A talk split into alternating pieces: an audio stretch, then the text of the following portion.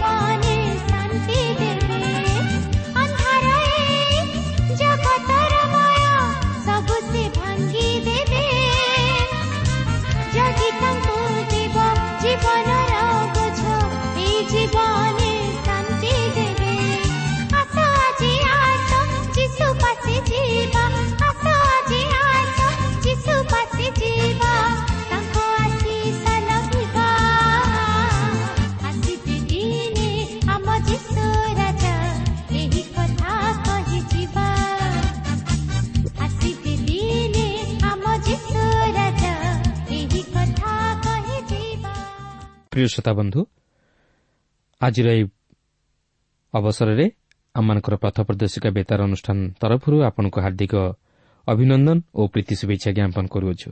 ଆପଣଙ୍କର ସହଯୋଗ ଏହି କାର୍ଯ୍ୟକ୍ରମ ଦ୍ୱାରା ଯେ ଆପଣ ଆତ୍ମିକ ଜୀବନରେ ଉପକୃତ ହୋଇପାରୁଛନ୍ତି ତାହା ଜାଣି ଆମେ ପ୍ରଭୁଙ୍କ ନାମ ବିଶେଷ ଧନ୍ୟବାଦ ଦେଉ। ପ୍ରଭୁ ଆପଣଙ୍କୁ ଆଶୀର୍ବାଦ କରନ୍ତୁ ଆହୁରି ଆହୁରି ଆତ୍ମିକ ଜୀବନରେ ବର୍ଦ୍ଧିଷ୍ଣୁ କରାନ୍ତୁ। ଆସନ୍ତା ପ୍ରଭୁଙ୍କର ବାକ୍ୟ ମଧ୍ୟକୁ ଯିବା ପୂର୍ବରୁ ସଂକ୍ଷେପରେ ପ୍ରାର୍ଥନା କରିବା।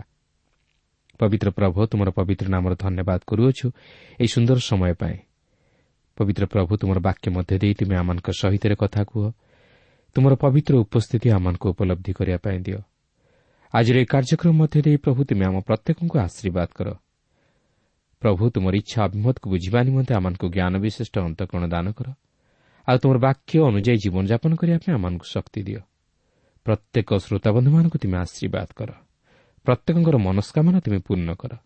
ଯୀଶୁଙ୍କ ନାମରେ ମାଗୁଅଛୁ ଆମେନ୍। ଆସନ୍ତୁ ତାହେଲେ ବର୍ତ୍ତମାନ ଆମେ ଆମର କାର୍ଯ୍ୟକ୍ରମ ମଧ୍ୟକୁ ଯିବା।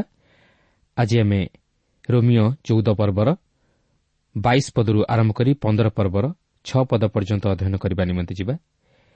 ଏଠାରେ ମୁଁ ଆପଣଙ୍କୁ ସ୍ମରଣ କରାଇଦିଏ ଯେ ଏହି ରୋମିଓ ଚଉଦ ପର୍ବରେ ଆମେ ଜଣେ ସବଳ ଖ୍ରୀଷ୍ଟ ବିଶ୍ୱାସୀର ଦୁର୍ବଳ ବିଶ୍ୱାସୀ ସହିତ ଥିବା ସମ୍ପର୍କକୁ ନେଇ ଆଲୋଚନା କରୁଅଛୁ ଏବଂ ସବଳ ବିଶ୍ୱାସୀ ଦୁର୍ବଳ ବିଶ୍ୱାସୀ ସହିତ କି ପ୍ରକାର ଭାବରେ ସମ୍ପର୍କ ରକ୍ଷା କରିବା ଉଚିତ ସେହି ବିଷୟ ନେଇ ଆମମାନେ ଆଲୋଚନା କରୁଅଛୁ।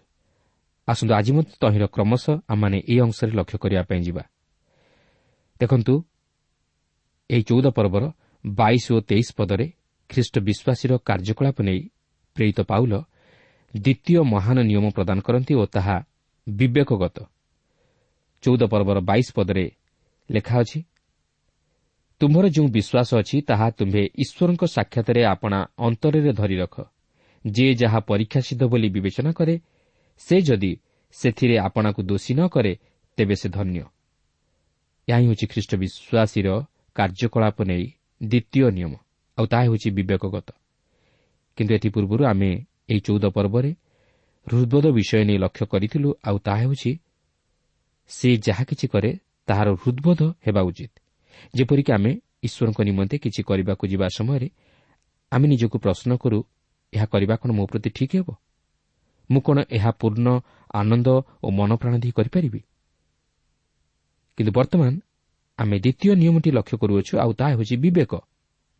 ଅର୍ଥାତ୍ ସେ ଯାହା କିଛି କରିସାରିଅଛି ତାହାକୁ ସମୀକ୍ଷା କରିବା। ମନୁଷ୍ୟ ଯାହା କରିଅଛି ତହିଁରେ ଯଦି ସେ ଆପଣାକୁ ଦୋଷୀ ନ କରେ ତେବେ ସେ ଧନ୍ୟ। ଖ୍ରୀଷ୍ଟ ବିଶ୍ୱାସୀ ତାହାର ଜୀବନର କାର୍ଯ୍ୟକଳାପକୁ ବିନା ଦ୍ୱିଧାରେ ବା ନିର୍ଦ୍ଦୋଷ ବିବେକ ସହ ଫେରି ଚାହିଁବା ନିମନ୍ତେ ସକ୍ଷମ ହେବା ଉଚିତ। ସେ ଏପରି କାର୍ଯ୍ୟ କରିବା ଉଚିତ ନୁହେଁ ଯଦ୍ୱାରା କି ପରେ ସେ ନିଜକୁ ଦୋଷୀ ବୋଲି ବିବେଚନା କରିବ। ଧନ୍ୟ ସେହି ଖ୍ରୀଷ୍ଟ ବିଶ୍ୱାସୀ ଯିଏକି ନିଜର ଜୀବନରେ ସେହି ସମସ୍ତ ବିଷୟକୁ ଅନୁମତି ଦିଏ ଯେଉଁଥିପାଇଁ ସେ ନିଜକୁ ଦୋଷୀ ବୋଲି ବିବେଚନା କରେ ନାହିଁ। ଅର୍ଥାତ୍ ସେ ଯାହା କିଛି କରିଅଛି ତାହାର ବିବେକ ତାହାକୁ ଦୋଷାରୋପ କରେ ନାହିଁ ପ୍ରିୟ ବନ୍ଧୁ ଆପଣ ଯାହା କରିଅଛନ୍ତି ତାହାକୁ ସମୀକ୍ଷା କରି କ'ଣ ନିଜକୁ ନିଜେ ଘୃଣା କରୁଅଛନ୍ତି ଓ ଦୋଷାରୋପ କରୁଅଛନ୍ତି ତାହା ଆପଣଙ୍କର ବିବେକ ଆପଣଙ୍କୁ ଦୋଷାରୋପ କରୁଅଛି ତାହା ଯାହା କିଛି ହୋଇଥାଉ ନା କାହିଁକି ଓ ତାହା ଅନ୍ୟ ଯେତେ ଲୋକ କରିଥାନ୍ତୁ ନା କାହିଁକି କିନ୍ତୁ ଆପଣଙ୍କ ନିମନ୍ତେ ତାହା ଭୁଲ କିନ୍ତୁ ଧନ୍ୟ ସେହି ବ୍ୟକ୍ତି ଯିଏକି ନିଜ ଜୀବନରେ ଯାହା ଘଟିବାକୁ ଅନୁମତି ଦିଏ ତହିଁ ନିମନ୍ତେ ନିଜକୁ ଦୋଷାରୋପ ନ କରେ। ଚଉଦ ପର୍ବର ତେଇଶ ପଦରେ ଲେଖା ଅଛି କିନ୍ତୁ ଯେ ସନ୍ଦେହ କରି ଭୋଜନ କରେ ସେ ଦଣ୍ଡନୀୟ ହୁଏ କାରଣ ସେ ବିଶ୍ୱାସରେ ଭୋଜନ କରେ ନାହିଁ ଆଉ ଯାହା କିଛି ବିଶ୍ୱାସରୁ ହୁଏ ନାହିଁ ତାହା ପାପ। ଏଠାରେ ଲେଖା ଅଛି ଆଉ ଯାହା କିଛି ବିଶ୍ୱାସରୁ ହୁଏ ନାହିଁ ତାହା ପାପ। ପ୍ରିୟ ବନ୍ଧୁ ଆପଣ ଯାହା କରୁଅଛନ୍ତି ତହିଁରେ ଆପଣଙ୍କୁ ବିଶ୍ୱାସ କରିବାକୁ ହେବ। ଯଦି ଆପଣ ତହିଁରେ ବିଶ୍ୱାସ କରୁନାହାନ୍ତି ତାହେଲେ ଆପଣ ତାହା କରିବା ଉଚିତ ନୁହେଁ। ଏଠାରେ ଖ୍ରୀଷ୍ଟ ବିଶ୍ୱାସୀ ନିମନ୍ତେ ପାପର ଆଉ ଏକ ନୂତନ ସଂଜ୍ଞା ଦିଆଯାଇଥିବାର ଆମେ ଲକ୍ଷ୍ୟ କରୁଅଛୁ। ଯେକୌଣସି କାର୍ଯ୍ୟକଳାପ ବା ଆଚାର ବ୍ୟବହାର ଯାହାକି ବିଶ୍ୱାସରୁ ଆସିନଥାଏ ତାହା ପାପ ବୋଲି ବିଚାରିତ ହୁଏ। ବା ଆମେ କହିପାରିବା ଯେକୌଣସି କାର୍ଯ୍ୟକଳାପ ବା ଆଚାର ବ୍ୟବହାର ବିଶ୍ୱାସ ଉପରେ ପର୍ଯ୍ୟବେସିତ ନୁହେଁ ତାହା ପାପ। ଏହା ହିଁ ହେଉଛି ପ୍ରଶ୍ନବାଚୀ ବିଷୟ ପ୍ରତି ପବିତ୍ର ଆତ୍ମାଙ୍କର ଉତ୍ତର। ଯେଉଁ ବିଷୟ ଉପରେ ଆପଣଙ୍କର ସନ୍ଦେହ ଜାତ ହୁଏ ବା ଆପଣ ତାହା ପାପ ବୋଲି ବିଚାର କରନ୍ତି ସେହି ବିଷୟ ନ କରିବା ଉଚିତ। ଧରି ନିଅନ୍ତୁ ଆପଣ ସନ୍ଦେହରେ କୌଣସି ଆହାର ଭୋଜନ କରୁଅଛନ୍ତି। ତାହା ଆପଣଙ୍କ ପକ୍ଷରେ ପାପ ବୋଲି ବିଚାର କରାଯାଏ ଯେହେତୁ ଆପଣ ତହିଁରେ ବିଶ୍ୱାସ କରନ୍ତି ନାହିଁ। ଯଦି ଆପଣ କୌଣସି ଖାଦ୍ୟ ପଦାର୍ଥକୁ ଅସୁଚି ବୋଲି ଭାବନ୍ତି ଓ ତାହା ଭୋଜନ କରିବା ପାପ ବୋଲି ସନ୍ଦେହ କରନ୍ତି ମାତ୍ର ତଥାପି ତାହା ଭୋଜନ କରନ୍ତି ତାହେଲେ ତାହା ପାପ। ଯେହେତୁ ତାହା ଆପଣ ବିଶ୍ୱାସରେ ଭୋଜନ କରନ୍ତି ନାହିଁ ମାତ୍ର ସନ୍ଦେହ କରି ଭୋଜନ କରନ୍ତି। ତେଣୁକରି ଆପଣ ଯାହା କିଛି ଭୋଜନ କରନ୍ତି ବା ଯାହା କିଛି କରନ୍ତି ତହିଁରେ ସନ୍ଦେହ କରିବା ବା ସନ୍ଦେହ ରଖିବା ଉଚିତ ନୁହେଁ। ମାତ୍ର ତାହା ସମ୍ପୂର୍ଣ୍ଣ ବିଶ୍ୱାସର ସହିତ କରିବା ଉଚିତ। ତାହେଲେ ତାହା ପାପ ବୋଲି ଗଣିତ ହୁଏ ନାହିଁ। ଯଦି କୌଣସି ବିଷୟ କରିବା ନିମନ୍ତେ ଆପଣଙ୍କ ମନରେ ସନ୍ଦେହ ଜାତ ହୁଏ ତାହେଲେ ତାହା ନ କରିବା ବରଞ୍ଚ ଉତ୍ତମ ବିଷୟ। କୌଣସି ବିଷୟ ଭୋଜନ କରିବା ନେଇ ବା କୌଣସି କାର୍ଯ୍ୟ କରିବା ନେଇ ମନରେ ସନ୍ଦେହ ଜାତ ହୁଏ। ମାତ୍ର ତାହା ଆପଣ କରନ୍ତି ତାହେଲେ ତାହା ଆପଣ ବିଶ୍ୱାସର ସହିତ କରନ୍ତି ନାହିଁ। ଆଉ ଯାହା ବିଶ୍ୱାସରେ କରାଯାଏ ନାହିଁ ତାହା ପାପ। ତେଣୁ ଯେଉଁ ବିଷୟ ଭୋଜନ କରିବାରେ ବା ଯେଉଁ କାର୍ଯ୍ୟ କରିବାରେ ଆପଣଙ୍କ ମନରେ ସନ୍ଦେହ ଜାତ ହୁଏ ତାହା କରନ୍ତୁ ନାହିଁ କାରଣ ତାହା ପାପ। କାରଣ ଖ୍ରୀଷ୍ଟ ବିଶ୍ୱାସୀ ଯେପରି ବିଶ୍ୱାସ ଦ୍ୱାରା ଉଦ୍ଧାର ପ୍ରାପ୍ତ ହୋଇଥାଏ ସେହିପରି ସେ ବିଶ୍ୱାସ ଦ୍ୱାରା ଚାଲିବାକୁ ହେବ। ସବୁକିଛି ବିଷୟ ବିଶ୍ୱାସ ଦ୍ୱାରା ସାଧିତ ହେବା ଆବଶ୍ୟକ। ଯେଉଁ ବିଷୟରେ ସନ୍ଦେହ ଜାତ ହୁଏ ତାହା ନ କରିବା ଉଚିତ। କାରଣ ତାହା ପାପ ଯେହେତୁ ତାହା ବିଶ୍ୱାସରେ ସାଧିତ ହୁଏ ନାହିଁ। ତେଣୁ ଖ୍ରୀଷ୍ଟ ବିଶ୍ୱାସୀ ଯାହା କରେ ତାହା ବିଶ୍ୱାସର ସହିତ କରିବା ଆବଶ୍ୟକ। ତାହାର କାର୍ଯ୍ୟକଳାପ ଓ ଆଚାର ବ୍ୟବହାର ବିଶ୍ୱାସ ଉପରେ ପର୍ଯ୍ୟବେସିତ ହେବା ଆବଶ୍ୟକ। କାରଣ ବିଶ୍ୱାସ ବିନା ତାହାଙ୍କର ସନ୍ତୋଷ ପାତ୍ର ହେବା ଅସମ୍ଭବ। ତେବେ ଏହି ଚଉଦ ପର୍ବରେ ବିଶେଷ କରି ସବଳ ଖ୍ରୀଷ୍ଟ ବିଶ୍ୱାସୀମାନେ ଦୁର୍ବଳ ବିଶ୍ୱାସୀମାନଙ୍କ ସହିତ କିପରି ସମ୍ପର୍କ ସ୍ଥାପନ କରିବା ଆବଶ୍ୟକ ଓ କିପରି ଜୀବନଯାପନ କରିବା ଆବଶ୍ୟକ ସେହି ବିଷୟ ନେଇ ଲକ୍ଷ୍ୟ କଲୁ। ତେବେ ଏହିଠାରେ ଆମେ ରୋମିଓ ଚଉଦ ପର୍ବଟି ଅଧ୍ୟୟନ କରି ସମାପ୍ତ କଲୁ ଓ ଖ୍ରୀଷ୍ଟ ବିଶ୍ୱାସୀ କିପରି ବିଶ୍ୱାସ ସହିତ ସମସ୍ତ କାର୍ଯ୍ୟ କରିବା ଉଚିତ ତାହା ଲକ୍ଷ୍ୟ କଲୁ ଓ ସବଳ ଖ୍ରୀଷ୍ଟ ବିଶ୍ୱାସୀମାନେ ଯେପରି ଦୁର୍ବଳ ଖ୍ରୀଷ୍ଟ ବିଶ୍ୱାସୀମାନଙ୍କ ବାଟରେ ବାଧାଜନକ କିମ୍ବା ବିଘ୍ନଜନକ ବିଷୟ ନ ରଖନ୍ତି ଏହା ଜାଣିବାକୁ ପାରିଲୁ। ମାତ୍ର ଏହାପରେ ଆମେ ପନ୍ଦର ପର୍ବ ମଧ୍ୟକୁ ଯିବା। ଏହି ପର୍ବରେ ଆମେ ଖ୍ରୀଷ୍ଟ ବିଶ୍ୱାସୀମାନଙ୍କର ସେମାନଙ୍କ ପରସ୍କର ମଧ୍ୟରେ କିପରି ସମ୍ପର୍କ ସ୍ଥାପନ କରିବା ଉଚିତ ଓ ବାହାରର ଲୋକମାନଙ୍କ ସହିତ କିପରି ବ୍ୟବହାର କରିବା ଉଚିତ ସେହି ବିଷୟ ନେଇ ଲକ୍ଷ୍ୟ କରିବାକୁ ଯିବା। କିନ୍ତୁ ମୋର ଅନୁରୋଧ ଆପଣ ଏହି ପ୍ରେରିତ ପନ୍ଦର ପର୍ବଟିକୁ ନିଜର ବ୍ୟକ୍ତିଗତ ବାଇବଲ ଅଧ୍ୟୟନ ସମୟରେ ଅଧ୍ୟୟନ କଲେ ଭଲ ହେବ। ତେବେ ଏହି ପ୍ରେରିତ ପନ୍ଦର ପର୍ବରେ ଖ୍ରୀଷ୍ଟ ବିଶ୍ୱାସୀମାନେ ପରସ୍କର ସହିତ କିପରି ସମ୍ପର୍କ ସ୍ଥାପନ କରିବା ଉଚିତ ଓ ବାହାରର ଲୋକମାନଙ୍କ ସହିତ କିପରି ବ୍ୟବହାର କରିବା ଉଚିତ ସେହି ବିଷୟ ନେଇ ଆଲୋଚନା କରିବାକୁ ଯିବା। ପନ୍ଦର ପର୍ବରେ ପ୍ରଥମ ତିନି ପଦ ମଧ୍ୟରେ ଦୁର୍ବଳ ବିଶ୍ୱାସୀମାନଙ୍କ ପ୍ରତି ବିବେଚନାପୂର୍ବକ ବ୍ୟବହାର କରିବା ନେଇ ପ୍ରକାଶ କରାଯାଇଅଛି। ଦେଖନ୍ତୁ ପନ୍ଦର ପର୍ବର ପ୍ରଥମ ପଦରେ ଏହିପରି ଲେଖା ଅଛି ବିଶ୍ୱାସରେ ବଳବାନ ଯେ ଆମ୍ଭେମାନେ ଦୁର୍ବଳମାନଙ୍କ ଦୁର୍ବଳତା ସହିବା ଆମମାନଙ୍କର ଉଚିତ। ଆଉ ନିଜ ନିଜର ସୁଖ ଚେଷ୍ଟା କରିବା ଉଚିତ ନୁହେଁ। ଏହା ହେଉଛି ତୃତୀୟ ତଥା ଶେଷ ଉପଦେଶ ଯାହାକି ଖ୍ରୀଷ୍ଟ ବିଶ୍ୱାସୀମାନଙ୍କର କାର୍ଯ୍ୟକଳାପ ବା ବ୍ୟବହାରରେ ପ୍ରକାଶିତ ହେବା ଉଚିତ। ଧରିନିଅନ୍ତୁ ଆପଣ ଜଣେ ଖ୍ରୀଷ୍ଟ ବିଶ୍ୱାସୀ ଓ ଆପଣ ଆପଣଙ୍କ ଗୃହକୁ ଆଉ ଜଣେ ଖ୍ରୀଷ୍ଟ ବିଶ୍ୱାସୀକୁ ନିମନ୍ତ୍ରଣ କରିଅଛନ୍ତି। ମାତ୍ର ସେହି ଖ୍ରୀଷ୍ଟ ବିଶ୍ୱାସୀ ଟେଲିଭିଜନ ଦେଖିବାକୁ ପସନ୍ଦ କରନ୍ତି ନାହିଁ। ତେଣୁ ଆପଣଙ୍କ ଘରେ ଯଦି ଟେଲିଭିଜନ ଅଛି ତାହେଲେ ସେହି ସମୟରେ ତାହା ବନ୍ଦ କରିଦିଅନ୍ତୁ। କାରଣ ଆପଣ ସେହି ସମୟରେ ଟେଲିଭିଜନକୁ ଖୋଲା ରଖିବା ଦ୍ୱାରା ତାହାଙ୍କ ପ୍ରତି ଅପମାନଜନକ ହେବ। ତେଣୁକରି ଆପଣ ତାହାଙ୍କ ବିଷୟ ନେଇ ବିବେଚନା କରିବା ଉଚିତ ଓ ତାହାଙ୍କର ବିଶ୍ୱାସରେ ଯେପରି ବାଧା ବା ପ୍ରତିବନ୍ଧକ ନ ଆଣନ୍ତି ଏଥିନିମନ୍ତେ ଯତ୍ନବାନ ହେବା ଉଚିତ। ଧରିନିଅନ୍ତୁ ଆପଣ ଚଳଚ୍ଚିତ୍ର ଦେଖିବାକୁ ପସନ୍ଦ କରନ୍ତି ଓ ତାହା ଦେଖିବା ଦ୍ୱାରା ଆପଣଙ୍କର କିଛି କ୍ଷତି ହୁଏ ନାହିଁ କି ଆପଣଙ୍କ ପ୍ରତି ତାହାର କିଛି ଖରାପ ପ୍ରଭାବ ପଡ଼େ ନାହିଁ। ମାତ୍ର ଜଣେ ଦୁର୍ବଳ ବିଶ୍ୱାସୀ ତାହା ଦେଖିବା ଦ୍ୱାରା ବିଶେଷ ପ୍ରଭାବିତ ହୋଇଯାଇପାରେ ବା ତାହା ପ୍ରତି କ୍ଷତିକାରକ ହୋଇପାରେ ତେଣୁ ଆପଣ ଜଣେ ସବଳ ବିଶ୍ୱାସୀ ହେଲେ ମଧ୍ୟ ସେହି ଦୁର୍ବଳ ବିଶ୍ୱାସୀ ସକାଶେ ତାହା ଦେଖିବା ଉଚିତ ନୁହେଁ କି ନିଜର ସୁଖ ଚେଷ୍ଟା କରିବା ଉଚିତ ନୁହେଁ ମାତ୍ର ଦୁର୍ବଳମାନଙ୍କର ଦୁର୍ବଳତା ସହ୍ୟ କରିବା ଉଚିତ ନିଜର ସୁଖ ସୁବିଧା ତଥା ସ୍ୱାର୍ଥକୁ ଜଳାଞ୍ଜଳି ଦେବା ଉଚିତ।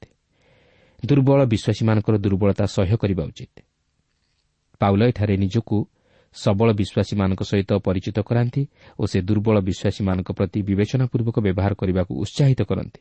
ସେଥିପାଇଁ ସେ କରନ୍ଥୀୟ ମଣ୍ଡଳୀର ବିଶ୍ୱାସୀମାନଙ୍କ ନିକଟକୁ ଏହିପରି ଲେଖନ୍ତି ଯାହାକି ପ୍ରଥମ କରନ୍ଥୀୟ ଆଠ ପର୍ବର ତେର ପଦରେ ଲେଖା ଅଛି ଅତଏବ ଯଦି ଖାଦ୍ୟଦ୍ରବ୍ୟ ମୋର ଭାଇର ବିଘ୍ନର କାରଣ ହୁଏ ତେବେ ମୋହର ଭାଇ ଯେପରି ମୋ ଦ୍ୱାରା ବିଘ୍ନ ନ ପାଏ ଏଥିପାଇଁ ମୁଁ କେବେ ହେଲେ ମାଂସ ଖାଇବି ନାହିଁ। ଅନ୍ୟ ଅର୍ଥରେ କହିବାକୁ ଗଲେ ପାଉଲ କହନ୍ତି ମୁଁ ମାଂସ ଖାଇପାରିବି ଓ ମୁଁ ମାଂସ ଖାଇବାକୁ ଭଲ ପାଏ। କିନ୍ତୁ ସେହି ମାଂସ ଖାଇବା ଦ୍ୱାରା ମୁଁ ଯଦି ମୋର ଭାଇର ବିଘ୍ନର କାରଣ ହେଉଅଛି ତାହେଲେ ମୁଁ ମାଂସ ଖାଇବି ନାହିଁ। ତେବେ ପାଉଲ ଏଠାରେ କେବଳ ମାଂସ ଖାଇବାକୁ ଉଦାହରଣ ଛଳରେ ବ୍ୟବହାର କରନ୍ତି କିନ୍ତୁ ଏହା ଯେକୌଣସି ବିଷୟ ହୋଇପାରେ। ଯେକୌଣସି ବିଷୟ ଯାହାକି ଅନ୍ୟ ଜଣେ ଦୁର୍ବଳ ବିଶ୍ୱାସୀର ବିଘ୍ନର କାରଣ ହୁଏ ତାହା କରିବା ଅନୁଚିତ। ଅନ୍ୟ ଜଣେ ଦୁର୍ବଳ ବିଶ୍ୱାସୀର ହିତ ନିମନ୍ତେ ସେ ସେହି ସୁଖ ଆମୋଦକୁ ପଛରେ ପକାଇବା ଉଚିତ। ଆହୁରି ମଧ୍ୟ ପାଉଲ କହନ୍ତି ଯାହାକି ପ୍ରଥମ କରନ୍ତି ଦଶ ପର୍ବର ଚବିଶ ପଦରେ ଲେଖା ଅଛି କେହି ନିଜର ସ୍ୱାର୍ଥ ଚେଷ୍ଟା ନ କରୁ ମାତ୍ର ପ୍ରତ୍ୟେକ ଜଣ ଅନ୍ୟର ମଙ୍ଗଳ ଚେଷ୍ଟା କରୁ। ଆମେମାନେ ଅନ୍ୟମାନଙ୍କର ମଙ୍ଗଳ ଚେଷ୍ଟା କରିବା ଉଚିତ। ଗାଲାଟିଆ ଛଅ ପର୍ବର ଦୁଇ ପଦରେ ଲେଖା ଅଛି ପରସ୍ପରର ଭାର ବହନ କର ଏହି ପ୍ରକାରେ ତୁମେମାନେ ଖ୍ରୀଷ୍ଟଙ୍କ ବ୍ୟବସ୍ଥା ସଫଳ କରିବ। ଆମେମାନେ ପରସ୍ପର ପରସ୍ପର ପ୍ରତି ସହନଶୀଳତା ରକ୍ଷା କରିବା ଉଚିତ। ତାହେଲେ ଆମେ ଖ୍ରୀଷ୍ଟଙ୍କର ମହତ୍ ଅଭିମତକୁ ସଫଳ କରିପାରିବା। ପନ୍ଦର ପର୍ବର ଦୁଇ ପଦରେ ଲେଖା ଅଛି ଆସ ଆମମାନଙ୍କର ପ୍ରତ୍ୟେକ ଜଣ ଆପଣା ପ୍ରତିବାସୀର ନିଷ୍ଠା ନିମନ୍ତେ ମଙ୍ଗଳ ସାଧନ କରି ତାହାର ସୁଖ ଚେଷ୍ଟା କରୁ। ପ୍ରତ୍ୟେକ ଖ୍ରୀଷ୍ଟ ବିଶ୍ୱାସୀର ଆଚାର ବ୍ୟବହାର ପ୍ରତିବାସୀର ନିଷ୍ଠା ନିମନ୍ତେ ମଙ୍ଗଳ ସାଧନ କରି ତାହାର ସୁଖ ଚେଷ୍ଟା କରିବା ଆବଶ୍ୟକ। ତାହାର କାର୍ଯ୍ୟକଳାପ ତାହାର ପ୍ରତିବାସୀ ନିକଟରେ ଆଦର୍ଶ ହେବା ଉଚିତ ଓ ପ୍ରତିବାସୀର ମଙ୍ଗଳ ସାଧନ କରିବା ଉଚିତ। ପ୍ରତିବାସୀର ବାଟରେ ଯେପରି ବାଧାର କାରଣ ନ ହେଉ ଏଥିନିମନ୍ତେ ନିଜର ଆଚାର ବ୍ୟବହାରରେ ସତର୍କତା ଅବଲମ୍ବନ କରୁ। ମାତ୍ର ନିଜର ସୁଖ ଚେଷ୍ଟା କରି ପ୍ରତିବାସୀର ପଥରେ ବିଘ୍ନ ସ୍ୱରୂପ ନ ହେଉ। ଆମେ ପ୍ରତ୍ୟେକ ନିଜର ପ୍ରତିବାସୀର ସୁଖ ତଥା ମଙ୍ଗଳ ଚେଷ୍ଟା କରିବା ଉଚିତ। ଓ ତା'ର ବିଶ୍ୱାସର ପଥରେ ଯେପରି ପ୍ରତିବନ୍ଧକ ନ ଉପୁଜେ ଏଥିନିମନ୍ତେ ନିଜର ସୁଖ ତଥା ସ୍ୱାର୍ଥକୁ ପରିତ୍ୟାଗ କରିବା ଉଚିତ। ସେଥିପାଇଁ ପ୍ରେରିତ ପାଉଲ ପ୍ରଥମ କରିନ୍ତୀୟ ନଅ ପର୍ବର ଉଣେଇଶରୁ କୋଡ଼ିଏ ପଦରେ ଏହିପରି ପ୍ରକାଶ କରନ୍ତି କାରଣ ଯେପରି ମୁଁ ଅଧିକ ସଂଖ୍ୟକ ଲୋକ ଲାଭ କରିପାରେ ଏଥିପାଇଁ ମୁଁ କାହାରି ଅଧୀନ ନ ହେଲେ ହେଁ ନିଜକୁ ସମସ୍ତଙ୍କ ଦାସ କଲି। ଯେପରି ମୁଁ ଜୁହୁଦୀମାନଙ୍କୁ ଲାଭ କରିପାରେ ଏଥିପାଇଁ ଜୁହୁଦୀମାନଙ୍କ ନିକଟରେ ମୁଁ ଜୁହୁଦୀ ପରି ହେଲି ଯେପରି ବ୍ୟବସ୍ଥା ଅଧୀନରେ ଥିବା ଲୋକମାନଙ୍କୁ ଲାଭ କରିପାରେ ଏଥିପାଇଁ ମୁଁ ବ୍ୟବସ୍ଥାର ଅଧୀନ ନ ହେଲେ ସୁଦ୍ଧା ବ୍ୟବସ୍ଥା ଅଧୀନ ଲୋକମାନଙ୍କ ନିକଟରେ ବ୍ୟବସ୍ଥା ଅଧୀନର ପରି ହେଲି ତେବେ ଅନେକ ପାଉଲଙ୍କର ସମାଲୋଚନା କରନ୍ତି ଓ ପାଉଲ କାହିଁକି ଜୁହୁଦୀମାନଙ୍କର ଶପଥ ପାଠ କରି ମସ୍ତକ କ୍ଷୌର କଲେ ଓ ଜିରୁସାଲାମକୁ ଯାଇ ମନ୍ଦିରକୁ ଗଲେ ତାହା ବୁଝିପାରନ୍ତି ନାହିଁ।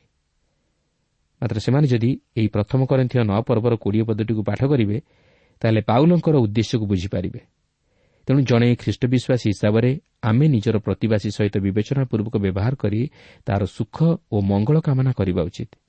ସ୍ଥାନ ତଥା ପରିସ୍ଥିତି ଅନୁଯାୟୀ ନିଜର ସୁଖ ସୁବିଧାକୁ ନ ଦେଖି ଅନ୍ୟର ମଙ୍ଗଳ ସାଧନ କରିବା ଉଚିତ। ପନ୍ଦର ପର୍ବର ତିନି ପଦରେ ଲେଖା ଅଛି କାରଣ ଖ୍ରୀଷ୍ଟ ମଧ୍ୟ ଆପଣାର ସୁଖ ଚେଷ୍ଟା କରି ନ ଥିଲେ କିନ୍ତୁ ଯେପରି ଲେଖା ଅଛି ତୁମ୍ଭ ନିନ୍ଦକମାନଙ୍କର ନିନ୍ଦା ମୋ ଉପରେ ପଡ଼ିଲା। ଏହି ଉକ୍ତିଟି ଗୀତ ସଂହିତା ଅଣସ୍ତରୀ ପର୍ବର ନଅ ପଦରୁ ଉଦ୍ଧୃତ ହୋଇଅଛି। ତୁମ ନିନ୍ଦକମାନଙ୍କର ନିନ୍ଦା ମୋ ଉପରେ ପଡ଼ିଲା। ଏହି ଗୀତରେ ମସିହଙ୍କୁ ଅର୍ଥାତ୍ ଖ୍ରୀଷ୍ଟଙ୍କୁ ଉପସ୍ଥାପିତ କରାଯାଇଅଛି। ପ୍ରଭୁ ଶ୍ରୀଖ୍ରୀଷ୍ଟ କେବେ ହେଲେ ନିଜର ସୁଖ ତଥା ଆନନ୍ଦକୁ ପ୍ରଥମ ସ୍ଥାନ ଦେଇନଥିଲେ ମାତ୍ର ସେ ଅନ୍ୟର ସୁଖ ତଥା ଆନନ୍ଦ ନିମନ୍ତେ ନିଜକୁ ଉତ୍ସର କରିଥିଲେ। ସେ ଅନ୍ୟର ଦୁଃଖ ତଥା ସମସ୍ୟା ପ୍ରତି ଦୃଷ୍ଟି ଦେଉଥିଲେ। ସେମାନଙ୍କ ନିମନ୍ତେ ନିନ୍ଦିତ ହେଲେ ତାଡ଼ିତ ହେଲେ ଓ ଆମମାନଙ୍କର ପାପ ତାହାଙ୍କ ଉପରେ ପଡ଼ିଥିଲା। ମାତ୍ର ସେ ଆମମାନଙ୍କୁ ପାପରୁ ଉଦ୍ଧାର କରି ଶାନ୍ତି ଦେବା ନିମନ୍ତେ ଓ ସେହି ସ୍ୱର୍ଗୀୟ ସୁଖ ଆନନ୍ଦର ସହଭାଗୀ କରାଇବା ନିମନ୍ତେ ନିଜେ ସାପଗ୍ରସ୍ତ ହେଲେ। ଆସନ୍ତୁ ଏହାପରେ ଜିହୁଦୀ ଓ ବିଜାତୀୟମାନଙ୍କର ଏକ ଶରୀରରେ ଏକତ୍ରୀକରଣର ବିଷୟ ନେଇ ଲକ୍ଷ୍ୟ କରିବାକୁ ଯିବା। ଦେଖନ୍ତୁ ପନ୍ଦର ପର୍ବର ଚାରିପଦରେ ଏହିପରି ଲେଖା ଅଛି।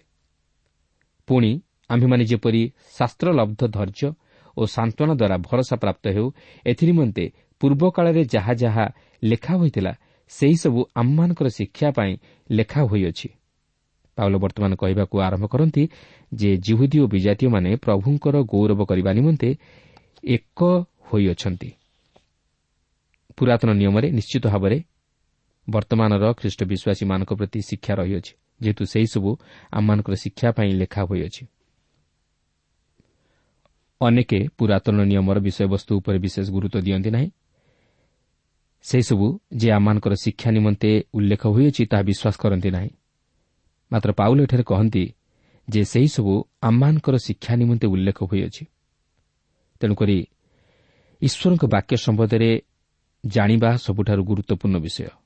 ତାଛଡ଼ା ପୁରାତନ ନିୟମକୁ ଉପେକ୍ଷା କରି କେବଳ ନୂତନ ନିୟମ ଉପରେ ଗୁରୁତ୍ୱ ଦେବା ମଧ୍ୟ ଠିକ୍ ନୁହେଁ। କାରଣ ପୁରାତନ ନିୟମ ପ୍ରଭୁ ଶ୍ରୀକୃଷ୍ଣଙ୍କୁ ଉପସ୍ଥାପିତ କରେ। ଈଶ୍ୱର ଚାହାନ୍ତି ଆମେ ଯେପରି ତାହାଙ୍କ ବାକ୍ୟକୁ ଅଧ୍ୟୟନ କରୁ ଓ ତହିଁରୁ ନିଜର ଜୀବନ ନିମନ୍ତେ ଶିକ୍ଷା ଗ୍ରହଣ କରୁ। ଈଶ୍ୱରଙ୍କ ବାକ୍ୟ ବିଷୟରେ ନ ଜାଣିବା ହେଉଛି ପାପ। ଯଦି ଆମେ ଈଶ୍ୱରଙ୍କ ବିଷୟରେ ଜାଣିବାକୁ ଚାହୁଁ ଓ ଈଶ୍ୱରଙ୍କୁ ଜାଣିବାକୁ ଚାହୁଁ ତାହେଲେ ଈଶ୍ୱରଙ୍କ ବାକ୍ୟ ବିଷୟରେ ଜାଣିବା ଓ ତାହାକୁ ନିୟମିତ ଅଧ୍ୟୟନ କରିବା ସବୁଠାରୁ ଗୁରୁତ୍ୱପୂର୍ଣ୍ଣ ବିଷୟ। ଈଶ୍ୱରଙ୍କ ବାକ୍ୟ ବିଷୟକ ଜ୍ଞାନ ଆମମାନଙ୍କ ନିମନ୍ତେ କ'ଣ ସାଧନ କରିପାରିବ?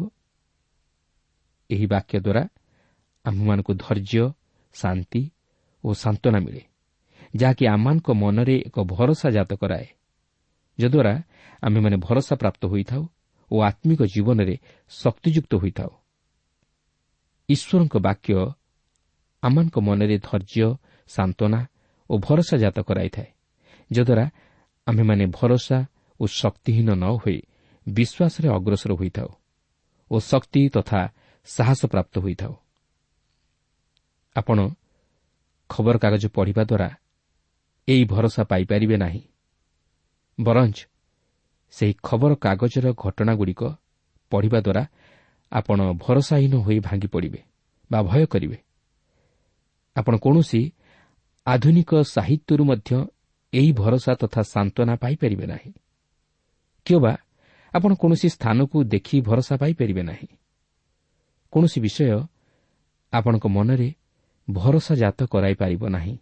ବରଞ୍ଜ ଆପଣ ସାହସହୀନ ଶକ୍ତିହୀନ ଓ ଭରସାହୀନ ହୋଇଯିବେ।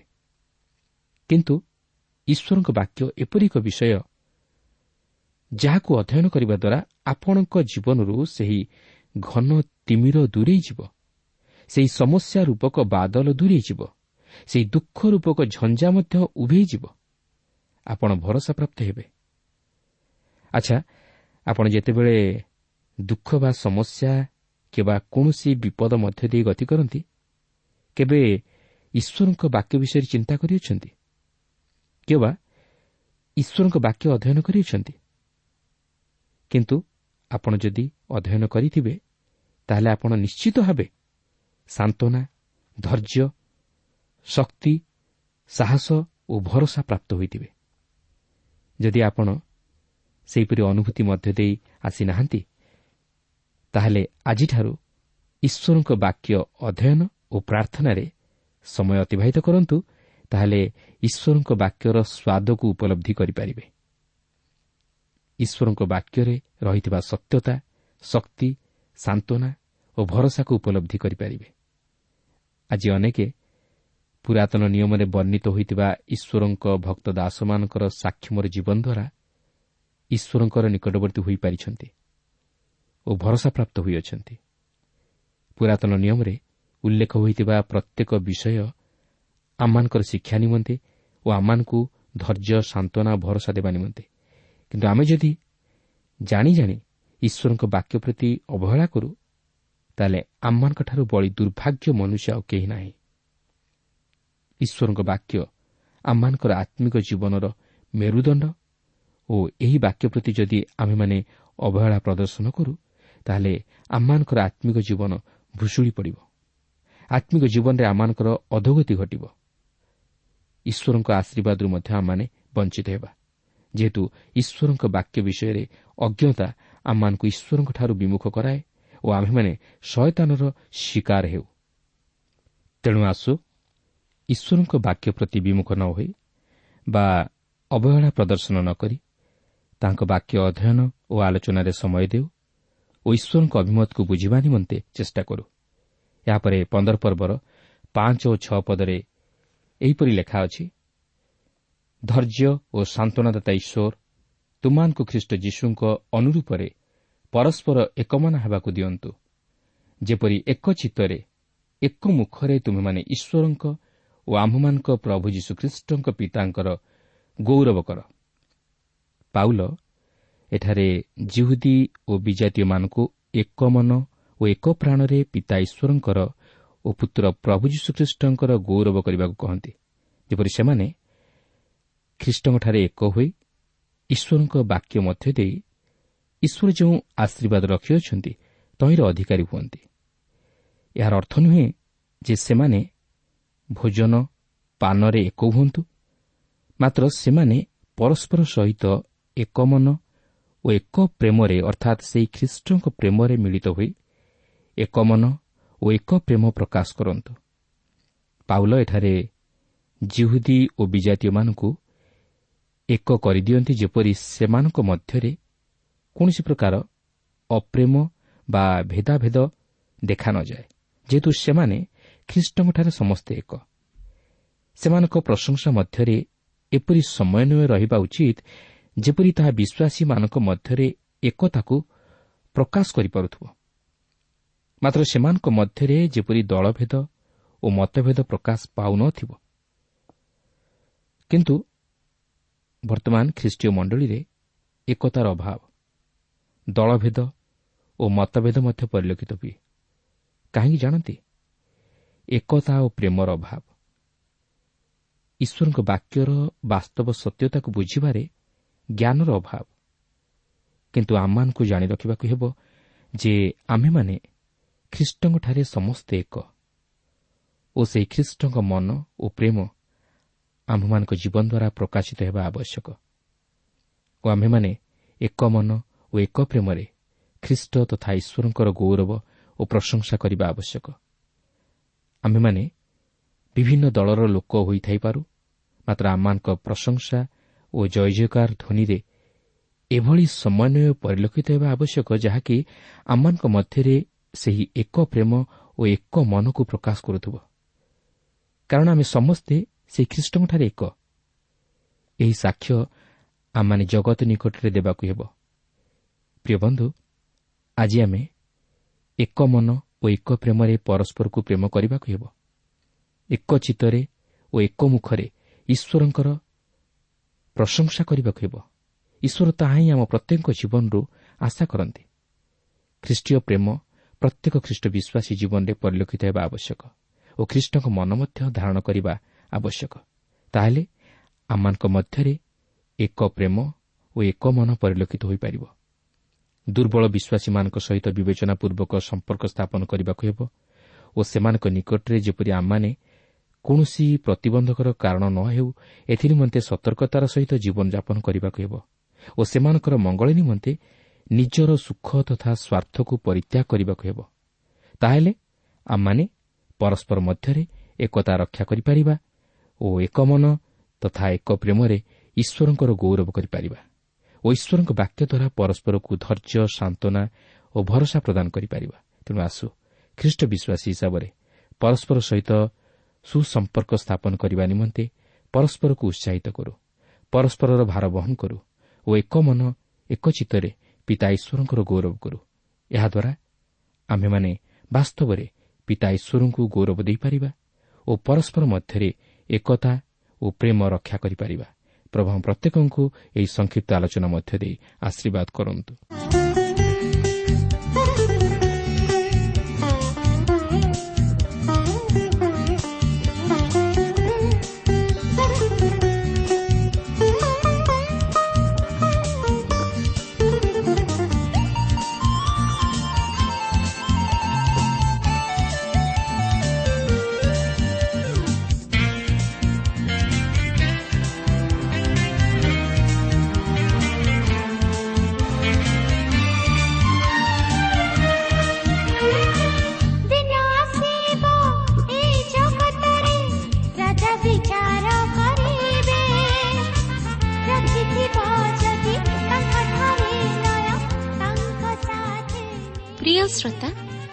আমার কার্যক্রম নিয়মিত শুণুবার অশেষ ধন্যবাদ আপনার এই কার্যক্রম শুণবা দ্বারা আত্মিক জীবনের উপকৃত হয়ে পে বলে আমার বিশ্বাস প্রভু যীশু বিষয়ে অধিক জাণবার আগ্রহ লে অথবা উপাদেয় পুস্তকর আবশ্যক লে আমসহ যোগাযোগ করতু আমার ঠিকনা পথ প্রদর্শিকা trans world radio India post box number তিন তিন ভুবনেশ্বর সাত পাঁচ এক শূন্য শূন্য এক মোবাইল নম্বর